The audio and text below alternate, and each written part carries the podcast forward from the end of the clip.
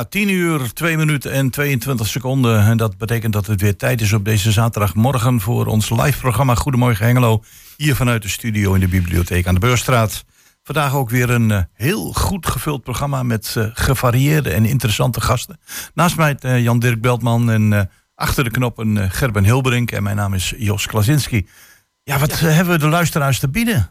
Nou, heel veel, Jos. Ja. goedemorgen trouwens. Ja. Um, ja, we beginnen zo meteen met uh, een telefoongesprek met schrijver Harold de Jong. Hij heeft een boek geschreven met als titel Poolse, Poolse strijders over de hondsrug. Ja, een uh, gebied in Drenthe, hè, de hondsrug. Ja. Het greep mij nogal wel aan, omdat mijn vader ook een van die Poolse bevrijders was. En ja, het is toch een onderbelicht gedeelte van onze geschiedenis. En daar uh, vertelt Ja, we denken niet meteen altijd aan uh, de Poolse strijders als nee. het gaat om de bevrijding. Nee. nee, Canadezen, Engelsen, Amerikanen en de Poolse strijders in mindere mate. Ja, en deze schrijver, uh, zelf militair, heeft denk ik toch nog wel heel veel informatie, wat ik er zo van las, verzameld daarover. dus dat zometeen als eerste item. Ja, en als tweede item de meest bekende loop van Hengelo al, al uh, heel veel jaren de Wolder S-loop en wil toch nog even onder de aandacht brengen. En dat doen we door een, een telefonisch uh, interview met Benny Ouderengerink. Ja, en daarna gaan we bellen met... Nee, komt naar de studio Bram Miras. Uh, gaat over Socrates. Heb jij al eens een boek gelezen van Socrates, Jos? Ja, ik heb de naam heel vaak gehoord en ik ben wel eens in Griekenland geweest, maar... Ik weet dat het in ieder geval een filosoof is. Ja, precies. Nee, het was ook een strikvraag. Volgens mij heeft hij zelf geen boeken geschreven. En kennen we hem alleen van wat over hem uh, geschreven ja, is. Ja, dat zijn prachtige uitspraken volgens mij, die heel vaak geciteerd worden. Ja, die naam uh, duikelt nog heel vaak op als het gaat om uh, ja. de oude filosofie en gesprekken in de stijl van Socrates. Straks praten we met docent van de Volksuniversiteit Bram Miras daarover. Ja, en in de tweede uur een heleboel studiogasten. En iemand die al wel vaker bij ons geweest is van Garage 2020 gaan we praten met name Wouter van Koten over het Game Lab idee wat er nog steeds achter zit. Ja, en dan uh, koken, hè? Ja, ook dat. Uh, twee uh, winnaars, Nederlands kampioens koken. Ja. Kai Stevensen en Gijs Boender komen straks ook nog in de tweede uur. En dan, ja, dan hebben we de stichting Weekendschool. En die houdt zich bezig met ja, zeg maar toppers van het weekend. En daarover gaan we praten met Nicole van der Zweerde. Zij is de algemeen coördinator. En degene die het, de lessen geeft, verzorgt geen onbekende in Hengelo, Agnes Boying. En zij verzorgt de lessen op zondag in uh, Almelo. Ja, en dan sluiten we straks het tweede uur af met Mirella Jellema en de agenda van de Schouwburg. Maar eerst dus het eerste uur en dat starten we met Promise Me van Beverly Graven.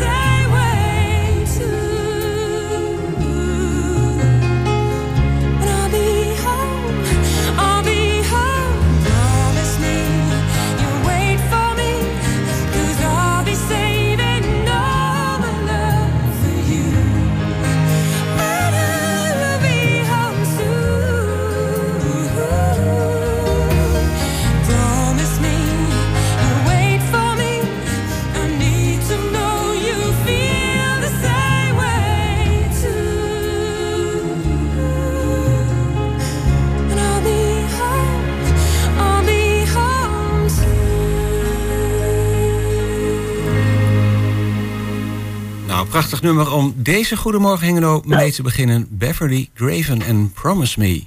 Ja, en dan gaan we nu praten met uh, Harold de Jong. En Harold de Jong is een schrijver van het boek Poolse strijders op de hondsrug. En uh, Harold, ik wil je in eerste instantie ook uh, bedanken namens mijn vader en zijn broer voor het verhaal dat je geschreven heeft. Want ja, het, de rol van de Poolse bevrijders van Nederland is toch vaak onderbelicht. Behalve in de plaats Breda natuurlijk in het zuiden. En je hebt daar een heel mooi boek over geschreven. En ja, dat boek dat, uh, ziet er ook heel mooi als uh, vormgeving uit. Maar uh, mijn vraag is van, ja, waarom juist dit boek en waarom misschien juist op dit moment? Waarom dit boek? Ja. Het is een, ja ik, ik hou het heel kort, want in mijn dagelijks werk ben ik beroepsmilitair. In het verleden heb ik onderzoek gedaan ja. naar de feiten die hebben geleid tot de dood van collega's in Afghanistan bijvoorbeeld. Ja. En als ik dan terugkwam, dan had ik de eer, de wrange eer om het ook aan de ouders te vertellen. Toen kwam ik erachter hoe belangrijk het is uh, om de verhalen te vertellen en om mensen een gezicht te geven. En naast het Poolse boek heb ik ook een boek over Fransen geschreven. Wat we hebben gedaan, of wat ik heb gedaan, ja. is uh, aan de hand van een foto de naam uitgezocht waar iemand om het leven is gekomen. En Noord-Nederland was vrij onderbelicht, gewoon bijna niets. Uh, wel in Breda, wat je net zei, maar bijvoorbeeld Oost-Groningen, het zuidstukje van Drenthe, stond eigenlijk niet echt iets goed op papier over wat onze Poolse bevrijders hebben gedaan. Ja, en nu is het zo dat je zegt van, ik ben daar eens in gaan spitten aan de hand van onder andere foto's en van beelden die ik heb, van graven die je misschien wel hebt bezocht. En heb je dan ook nog met mensen kunnen praten die die tijd hebben meegemaakt? En misschien uh, Poolse mensen die dan nog leven? Of Nederlandse mensen die daarmee in contact zijn geweest? Nee, niet direct met uh, Poolse veteranen. Hè, want dat is gewoon te lang geleden. Ja. De gemiddelde leeftijd van de strijders in Noord-Nederland was zijn bijna 30. Nou, tel daar 80 jaar bij op, dan zit je op 110, dus dat niet. Maar wel bijvoorbeeld met, uh, met, uh, met kinderen uh, en kleinkinderen. Mm -hmm. in het boek aan het eind schrijf ik een epiloog eh, van eh, Dominik Podgorski. En dat is een eh, Poolse sergeant die in Noord-Nederland is blijven wonen. En zijn zoon en zijn kleinzoon zijn allebei bij Defensie gegaan. En dus dat waren hele korte lijntjes over het leven van opa en hoe hij zijn, zijn echtgenoten heeft ontmoet in Noord-Nederland. Aha, en nou zei u van het is een wat onbe onderbelicht uh, iets eigenlijk, de, de bijdrage van de Poolse strijders aan de bevrijding van Noord-Nederland. Heeft dit boek ook een, uh, een beeld gegeven dan uh, meer aan het verloop van hoe dat gegaan is? Ja, nou ze hebben de Polen die hebben natuurlijk uh, heel hard gevochten in Noord-Nederland. En wat je ziet is dat in die zeg maar zes tot acht dagen dat ze door Noord-Nederland heen gereden zijn en daar dorp bij dorp hebben bevrijd. dat, dat beeld dat heb ik geschetst aan de hand van een aantal wat wij noemen operatielijnen. eenheden over drie assen die door Noord-Nederland zijn gegaan. En ook per dorpje wordt een beetje eigenlijk beschreven en van wat er is gebeurd. Welke keuzes ervoor lagen. Een mooi verhaal van een van de bataljonscommandanten die zelfs een dapperheidsonderscheiding heeft gekregen in het dorpje Tange Alteveer. Waar overigens ook nog één Poolse strijder begraven ligt. Grabowski. De overigen die zijn allemaal in Polen bij, of in Breda bijgezet. Maar dit is echt nog een graf van een Poolse strijder die ter plaatse is gesneuveld. Ja, en je praat natuurlijk met uh, nabestaanden van mensen die uh, bewust hebben meegemaakt. En heel af en toe met een ouder iemand uh, die toen vijf of zes jaar was. en dan de angst van de oorlog nog voelt.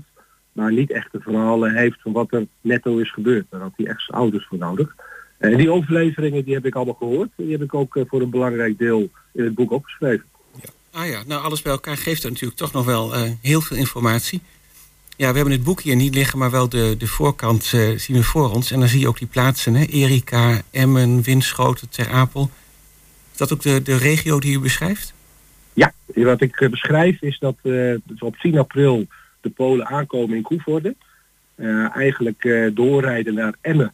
En van daaruit richting Pekelaas, Winschoten, maar ook een stukje over de grens gaan in, in Duitsland. Ja. Waar ik twee verhalen heb opgetekend. En waarvan ik het mooiste verhaal vind, is het gevangenkamp Oberlange. eh, waar eh, 1728 Poolse vrouwen gevangen zaten. Eh, die gevangen waren genomen in de tweede opstand van Warschau in september 44. Dus we beschrijven het, eh, ja, het, het geheel eh, in, in, ja, zeg maar in Noordoost-Nederland. Ja, want een, een, goede vriend van mij, zijn ouders hebben elkaar leren kennen bij de bevrijding van Oberlangen. En ja, dat is toch ook wel een heel, heel apart verhaal. Eh, ja, zeker. Dat, dat Poolse soldaten een kamp bevrijden of waar ook Poolse vrouwen zitten. Dat, dat, ja, je zou zeggen, het lot heeft dat zo eh, bepaald. Maar het was wel heel bijzonder. Dat, klopt. En de- de- het mooie is dat eh, daarna, kijk de Polen hebben natuurlijk nog een jaar of drie in Duitsland zijn ze de bezettingsmacht geweest.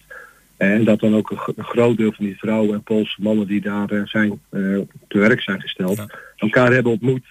Eh, en er zijn natuurlijk relaties uit voortgekomen. Een deel is daarna eh, over heel Europa verspreid. Maar er zijn ook een aantal die zijn in Noord-Nederland gebleven. Eh, waaronder eh, eh, bijvoorbeeld de familie Podgorski. Die heeft zijn vrouw dan niet ontmoet in Oberlangen, eh, maar in Ter Apel, waar zij de dochter was van de lokale drogisterij. Ja, Oh ja, nou dat ligt wel net over de grens hè, bij elkaar. Ter Apel en... eh, Ja, dat ligt, dat ligt 10, 15 kilometer bij elkaar vandaan. Eh, nou zal eh, dit eh, onder de nazaten van de Poolse bevrijders dit boek ontzettend veel losmaken en gaat nog losmaken. Maar wat moet het de gemiddelde Nederlandse lezer die geïnteresseerd is in de geschiedenis van de Tweede Wereldoorlog en met name de bevrijding daarvan, wat moet dat deze mensen opleveren? De bewustwording dat de Tweede Wereldoorlog niet stopt bij de operatie Market Garden. Als we in Nederland eh, kijken hoe de beleving is van het einde van de oorlog, dan hebben we het over een aantal elementen. Ja. Ik pak er twee uit. Dus de operatie Market Garden eh, in de hongerwinter in, eh, in West-Nederland. En eigenlijk is er heel weinig bekend over de aprildagen van 1945. Eh, dat geldt voor de opmars van de Canadezen, de Belgen en de Polen die mee opgemarcheerd zijn naar Noord-Nederland. Maar dat geldt ook voor de inzet van de Franse parachutisten. Maar dat geldt ook voor de offers die Nederlandse burgers hebben gebracht eh, tijdens die bevrijdingsperiode. Eh, in het andere boek over de Franse strijders eh, beschrijf ik 98 eh, burgers die om het leven zijn gekomen in vijf dagen tijd omdat ze de Fransen hebben geholpen. Dus dat zijn allemaal onbekende verhalen. En de doelstelling die ik en ook een aantal andere collega's nastreven is gewoon meer bekendheid geven over wat er in het noorden van Nederland is gebeurd in de laatste dagen van de oorlog. Bent u dan ook nog echt nieuwe dingen tegengekomen? Of is het vooral verzamelen van, eh, wat u net zei, informatie uit allerlei bronnen? Het, het, het nieuwe is dat je dingen in relatie met elkaar gaat brengen. Eh, kijk, elk, elk dorpje heeft wel een chroniek na de oorlog gehad waarin een A4'tje of twee A4'tjes werd beschreven dat ze bevrijd zijn door de Polen. Eh, maar als je al die verhaal, verhaaltjes, feitjes achter elkaar zet, en dan zie je mooie lijnen. En als beroepsmilitair kijk je natuurlijk naar de commandovoering en de dilemma's die een militair commandant heeft eh, om voorwaarts te gaan. Dus ook in mijn vakgebied Ja. heb ik best wel veel geleerd eh, over de wijze van leiding geven, de wijze van accepteren van leiding, eh, de manier van ja, oorlog voeren. wat niet te vergelijken is met wat er bijvoorbeeld nu in de Oekraïne gebeurt. Natuurlijk zijn de resultaten ervan verschrikkelijk, maar eh, het feest wat is losgebarsten eh, in steden als de Polen daar binnenkwamen. Eh, kijken naar alleen al het voorbijrijden een dorpje wat gekwalificeerd is van we zijn bevrijd door.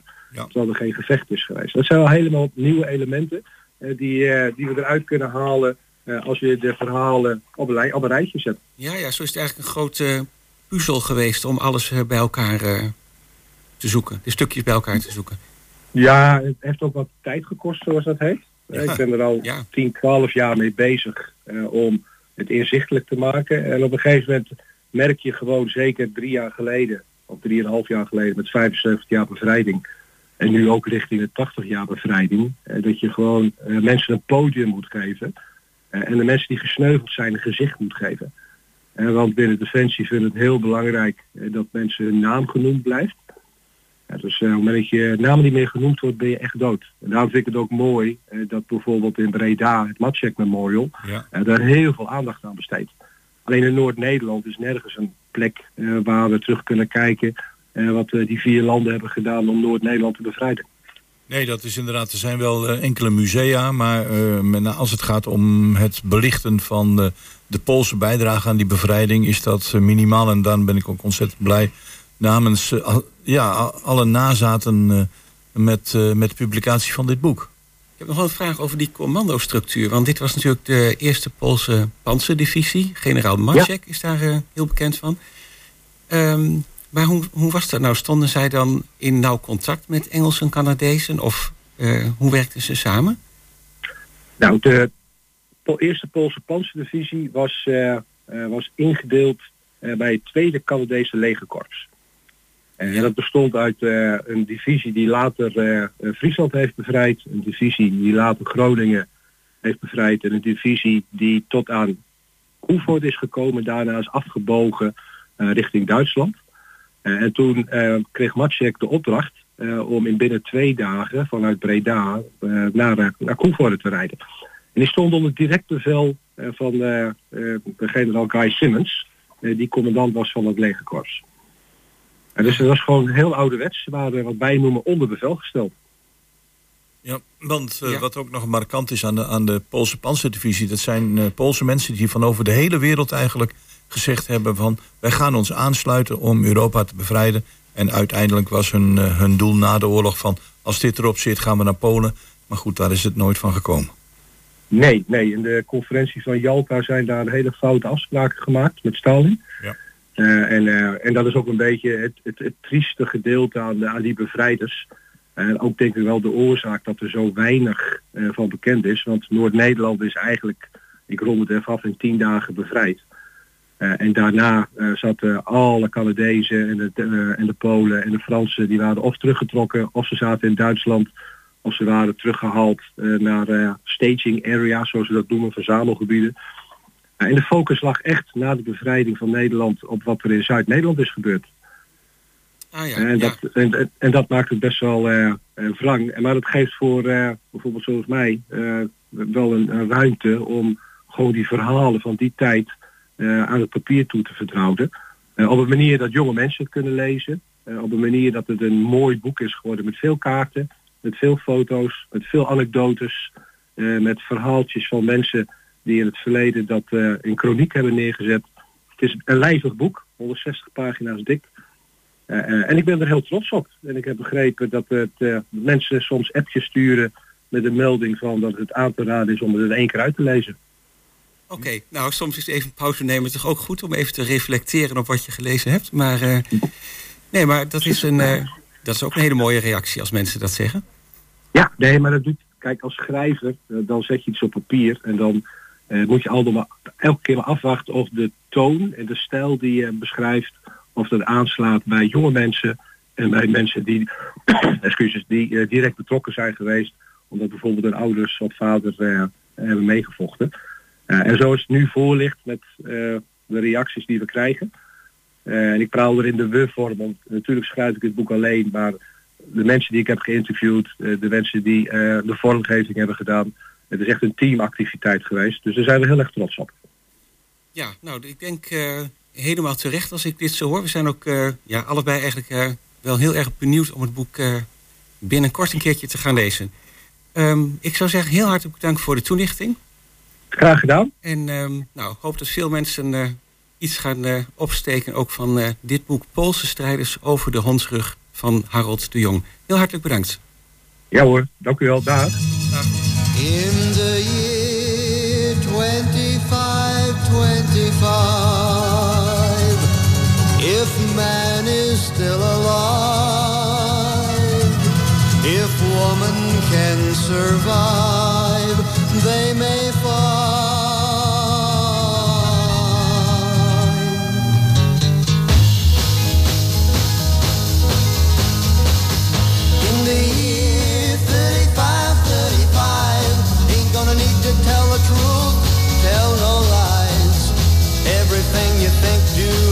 Say is in the pill you took today.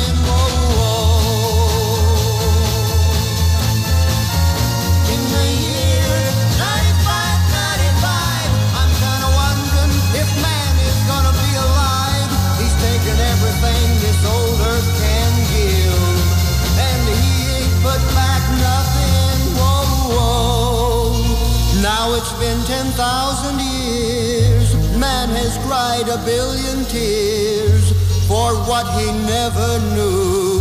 Now man's reign is through, but through eternal night, the twinkling of starlight, so very far away, maybe it's only yesterday.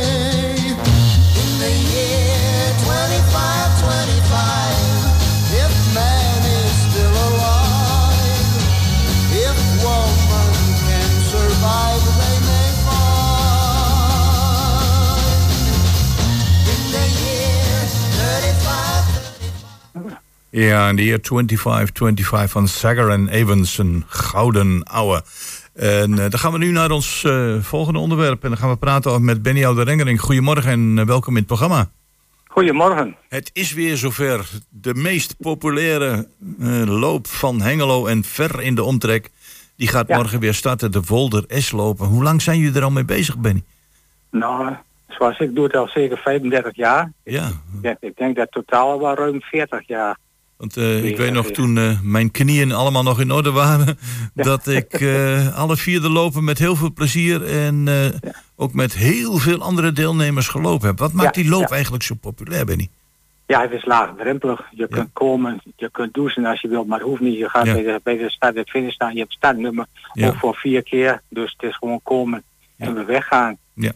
En dus het is geen, enkel poespas eromheen of zo niet. Dus nee, ik, ik, ik weet, het is eh, ontzettend gewild. Het is ook een leuk Ja. gebied waar, de, waar je doorheen Ja. wandelt. Kun je dat in, kort eens even beschrijven? De Volder ja, S-loop? ja, ja, je gaat eerst gewoon via het asfalt weg en dan ga je het laatste stuk door het Twikkel in. En als je dan bij de 15 kilometer, dan loop je achterin twee rondjes over het zandpad heen. En dan kom je terug weer via een stukje asfalt weg. Dus het is eh, ontzettend variërend. Ja, nu Ja. Is het niemand ontgaan dat het, ja, de afgelopen dagen was het natuurlijk eh, gelukkig koud met een beetje zon, maar daarvoor hebben we heel veel water gehad.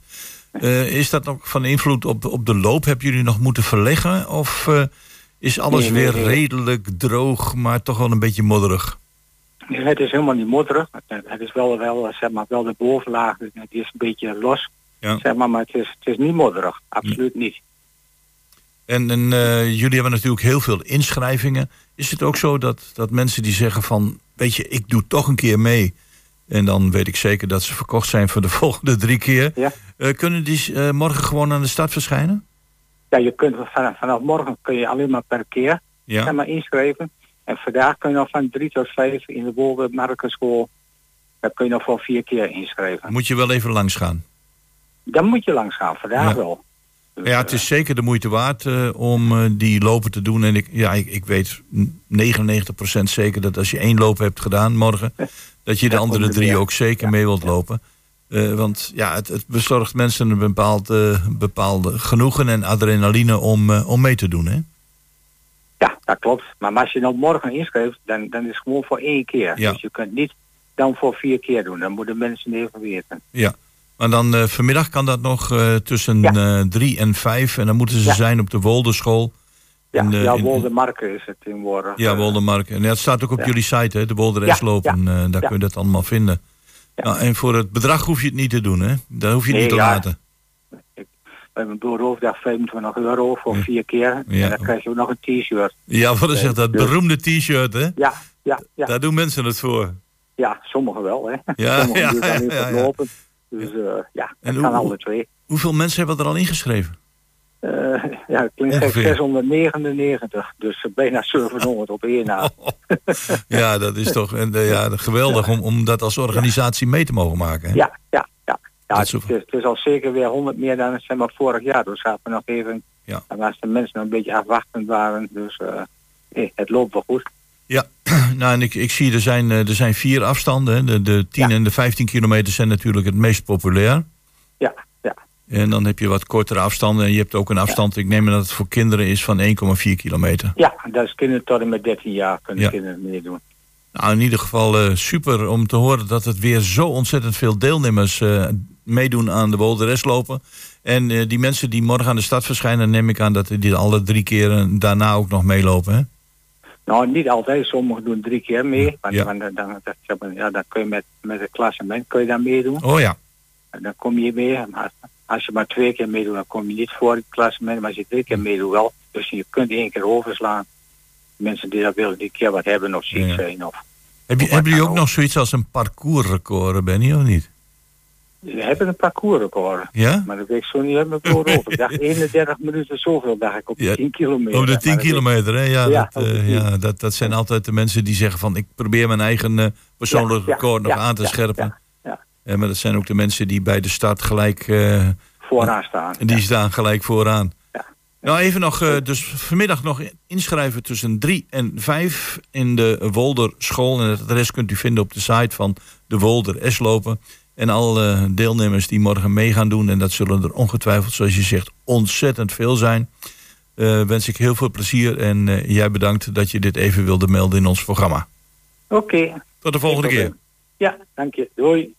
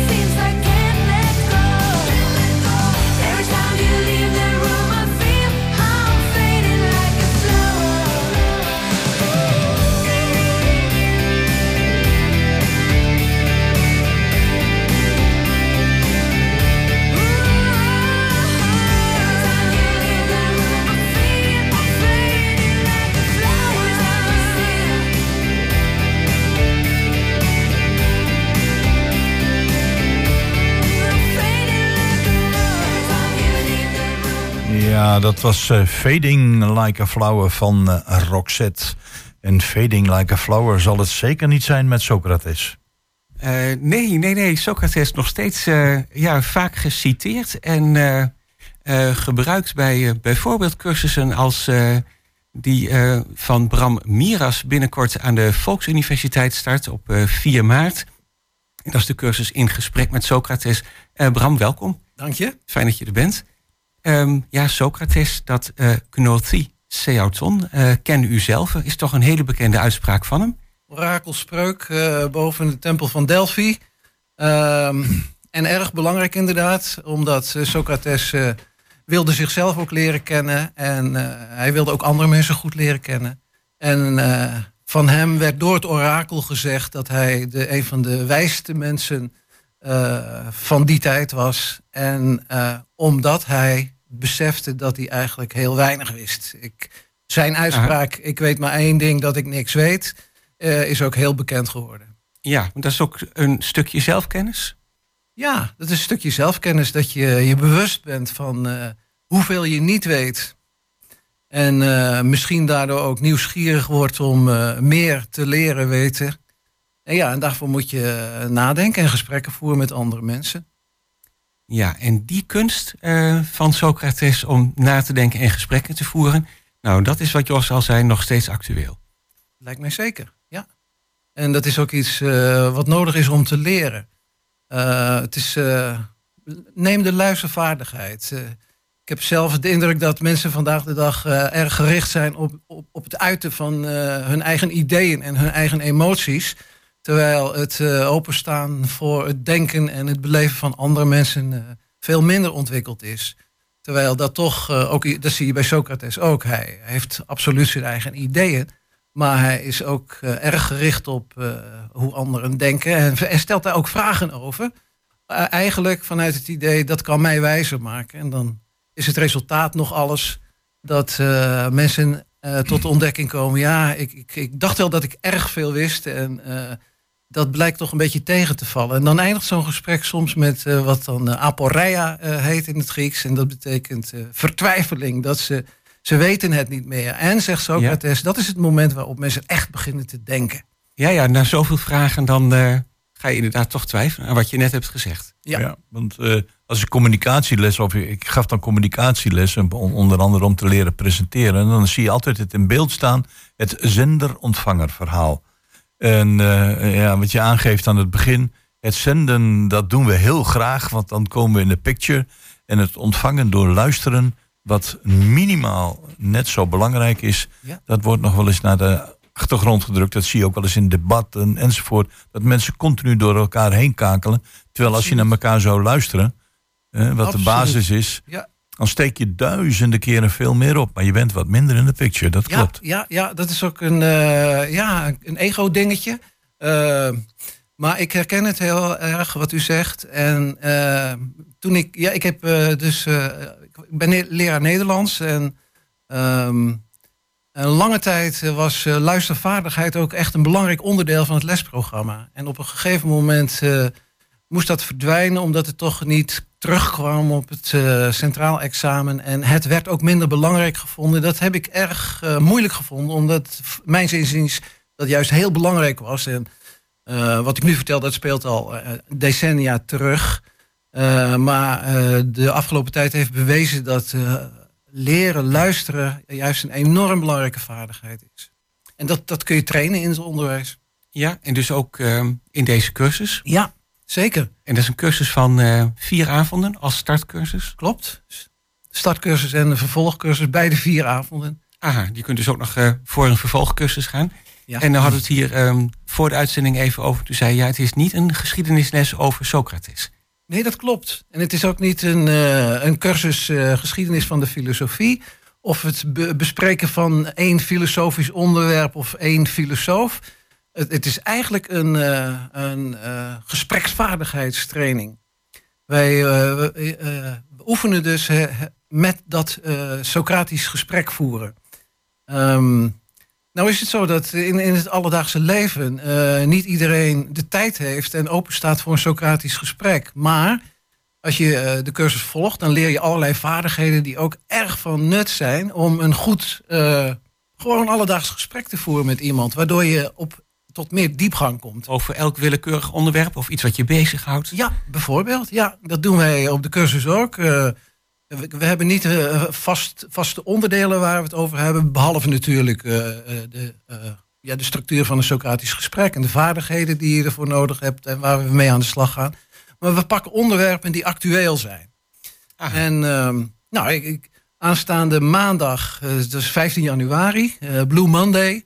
Ehm, dat is, eh, dit is de tijd waarin eh, mensen weer eh, hun gedeprimeerdheid ontdekken na de euforie van de jaarwisseling en de feestdagen. En ehm, nou ja, in, in deze tijd wordt er.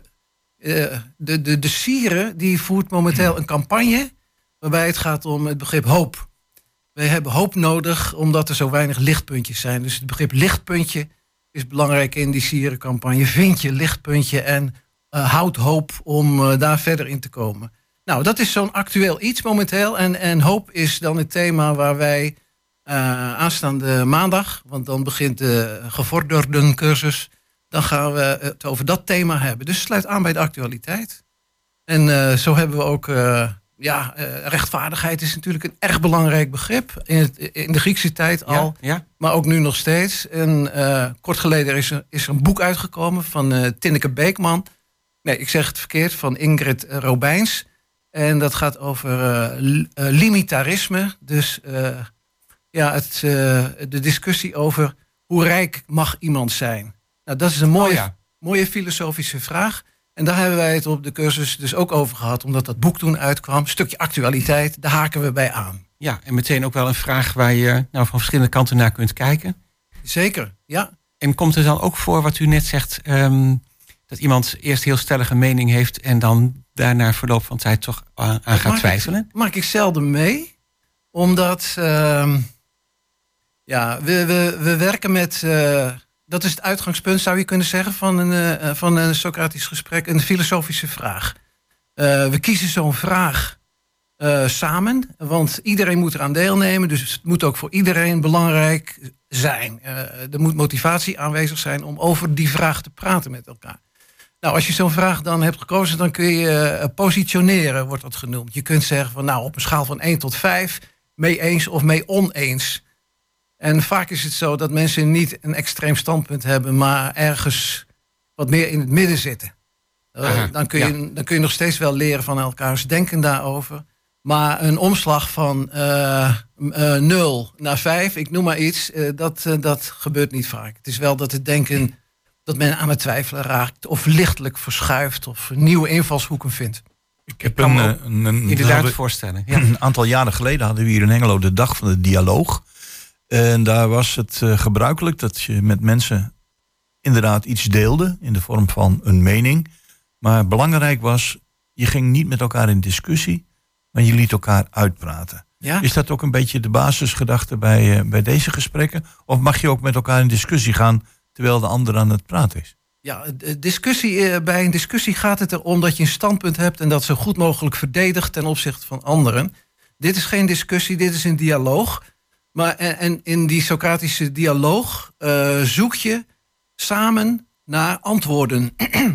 Filosofische vragen eh, is, is er ook zelden één eh, definitief antwoord. Er zijn verschillende antwoorden mogelijk, maar je kunt wel met elkaar praten daarover. En daarbij kun je wel eh, argumenten aanvoeren voor je eigen opvatting.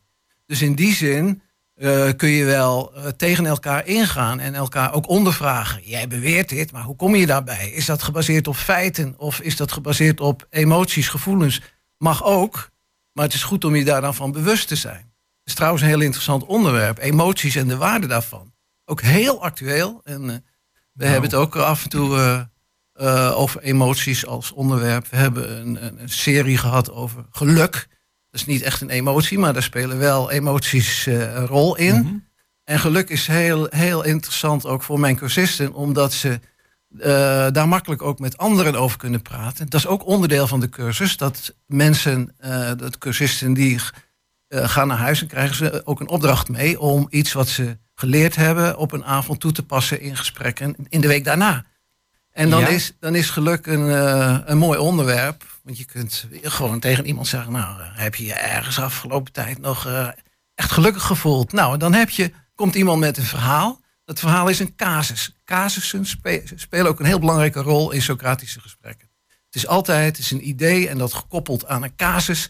En die casus is eigenlijk het onderzoeksmateriaal voor de vraag... Hoe, in hoeverre klopt dat idee? Is dat houdbaar wanneer je deze beleving ernaast zet? Ja, precies. En het is ook niet een wel eens niet eens eh, onderwerp, want eh, ja, dat kun je hier niet eh, op de, van toepassing laten zijn. Hè? Dus ehm, het, is, ehm, het is iets waar iedereen zijn eigen mening over kan vormen. Ja. En als je zulke gesprekken gaat voeren buiten de cursus om, zeg je dan ook tegen iemand van, mag ik jou wat vragen stellen? Of begin je zomaar? Of, Ja, dat is een bepaalde vaardigheid om vanuit het praten over een alledaags onderwerp op, op een wat dieper niveau te komen. En eh, nou, dat is de kunst van het vragen stellen. Eh, dat is eigenlijk een, daar houden we ons in de basiscursus eh, mee bezig, maar dat bouwen we uit daarna, want het is, het is on, ja, een gigantisch terrein. Het, eh, het leren met goede vragen te werken. En eh, ja, om, om van een, eh, een, een, een, een toevallig gesprekje op, op iets diepers te komen. eh daar zijn wel manieren voor. Eh, als je van, van gebeurtenis of feiten. Mensen Ja. kunnen heel makkelijk over gebeurtenissen en feiten praten. En je, komt dan, je, je vraagt dan, nou ja, wat, wat, heb je, wat, wat voelde je daarbij? Dan zit je op het gebied van de emoties, dus een psychisch niveau Ja. psychologisch niveau. En vervolgens kun je ook nog heel makkelijk vragen: nou ja, hoe, hoe, hoeveel betekent dat nou voor je? Waarom is dat zo belangrijk voor je? En dan zit je op het niveau van de, van de waarden. En waarden en normen, hè, normen, gedragsregels, afgeleid van waarden. Je dat, als, je, als je daar terecht komt, dan is het gesprek al veel dieper. En soms kom je ook nog wel op een, eh, wat we dan noemen, spiritueel niveau, op het Mhm. metafysische. Ook interessant. Net in, eh, in de koffiekamer voorafgaand aan dit gesprek eh, was ik al heel snel met een medewerkster. eh, die vertelde mij dat ze het iets op het gebied van theologie deed. Nou, dat- dan denk ik van, hè, ik moet straks dat gesprek gaan voeren, want dit is heel interessant. Daar zou ik meer over willen horen. Ja, ja. theologie, wat? Zo kan een kort gesprekje dus eh, nou, toch wel snel eh, diepgang gaan krijgen. Dan wordt er steeds de naam van Socrates aangekoppeld. Eh, ik vroeg net aan Jos, heb je wel eens een boek van hem gelezen? Nou, dat is een beetje gemeen. Ehm, maar dat, die zijn er niet, hè? Maar Ja, Socrates heeft wat weten wij over iets- Socrates? Heeft zelf nooit eh, boeken geschreven. Eh, de, de belangrijkste informatie over hem hebben we via Plato, de, de dialogen. En eh, daarin is Socrates vaak de hoofdrolspeler. Die gesprekken voert met mensen. En dat is af en toe heel verschillende mensen. Maar het gaat altijd om belangrijke onderwerpen. Meestal al om wat de, de Grieken de belangrijke deugden vonden. Rechtvaardigheid, redelijkheid, moed en matigheid. Die vier, dat zijn Griekse deugden. Oh ja, En eh, moed, moed is een van de, eh, van de deugden waar wij het op eh, de cursus ook over hebben gehad. En dan vooral communicatieve moed. Wat, wat, wat houdt moed precies in? En natuurlijk ook praktisch, want het, gaat, het is niet alleen maar theoretisch iets. Het gaat om het leven, om, om de echte gesprekken die je voert. Hoe kun je daarin moedig zijn? En, en ook op de cursus zelf. En ook voor, voor eh, die uitnodiging die ik kreeg om hier te komen, had ik echt wel wat eh, communicatieve moed nodig. Want het is voor het eerst dat ik dit doe. En eh, ja, dat is, dat is onwennig. En, maar ja Belangrijk nou, genoeg om hier te zitten. gekomen bent. Ik denk een, een, een, een, een welkome nieuwe ervaring. hè? wat ik hier nu doe, Ja. ja, klopt. Ja. Dat klopt. En eh, heeft even wat praktisch. U zei in het begin van het gesprek, op 15 januari eh, gaan, we- gaan we dan met de gevorderden praten. Ja. Nou, Dat vraagt natuurlijk om, is er ook iets voor beginners? Ja, de beginnerscursus.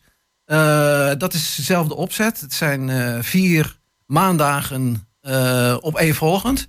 Ehm van, van half acht tot half tien. Het is in het ROC-gebouw vlakbij het station in Almelo. Makkelijk te bereiken. En eh, daar hebben we dan eh, twee uur lang eh, contact met elkaar in die cursus. Het zijn vaak kleine groepjes. Ongeveer vijf mensen, vijf, zes mensen. Het grote voordeel daarvan is dat het, dat het heel intensief is. En dat is nodig wanneer, je, wanneer het een persoonlijke training is. Dan moet je ook persoonlijk begeleid kunnen worden. Dus het is iets heel anders dan een, een cursus waarin je leert over Socrates en wat hij deed. En je Ja, oefent. Precies. En ehm, nou, u zei het is in Almelo, want Almelo en Hengelo werken volgens mij ook wel eh, flink samen, de volksuniversiteiten. Ja. Eh, ja, daar ben ik niet zo... voor- Dacht ik wel, ja. Ja, ja het is eh, officieel Volksuniversiteit Hengelo. Ah, En die Volksuniversiteit, dat is een, een, een stichting hè, die al heel lang bestaat. Ze hebben kort geleden hun 100-jarig bestaan gevierd. En nou, er is een, een samenwerkingsverband met het ROC. Dus eh Volksuniversiteit mag gebruik maken van het eh, eh, gebouw Ja. van, de, van het ROC. En vandaar dat dit bij het ROC in Almelo gegeven wordt, deze Ja, cursus. en klopt. op wat voor manier kun je nog iets meer over daar te weten komen of je aanmelden? Via de site van Volksuniversiteit Hengelo zou je dan moeten kijken. Of via de site van het ROC. Ja. En dan En zoek je naar de cursus. Ja, dan eh, de, er worden iets van eh, 170 cursussen gegeven. En dan moet je naar filosofie, eh, kunst en cultuur. Ja. En dan eh, vind je informatie over eh, mijn cursus. De cursus In gesprek met Socrates Ja, heet die.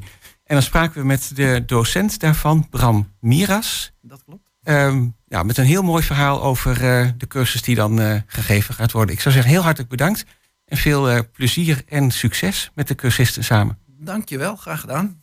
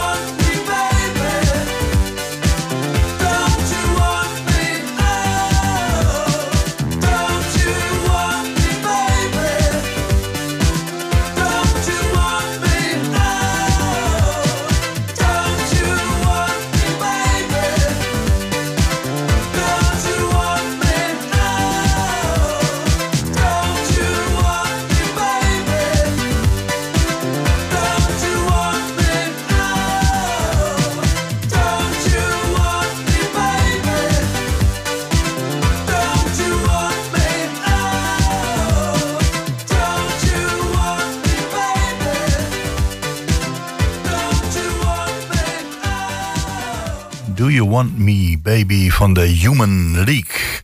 Kort geleden hadden wij eh, in ons programma te gast Isabella Duszynska. En zij is een eh, Nederlandse fotograaf met een Poolse achtergrond. Dat eh, merkt u aan de achternaam wel.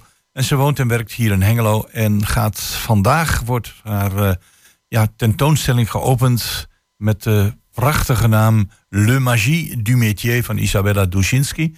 Vanavond om eh, 8 uur in de Mullerwerf, inmiddels wel bekend hier in Hengelo, eh, wordt deze geopend. En de komende twee weken exposeert Isabella Duszynska onder de titel La Magie du Métier haar prachtige werk. Nou, we hebben het eh, mogen bewonderen. En ik kan u zeggen, het is meer dan de moeite waard. Eh, het is haar eerste solo-expositie en ze toont analoog zwart-wit werk op prachtig filmformaat.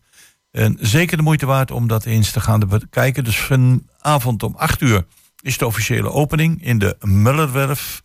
En dat is een, eh, ja, de Mullerwerf is eh, de locatie hier in Hengelo waar zowel, eh, excuses, de mensen mogen werken, de mensen mogen exposeren.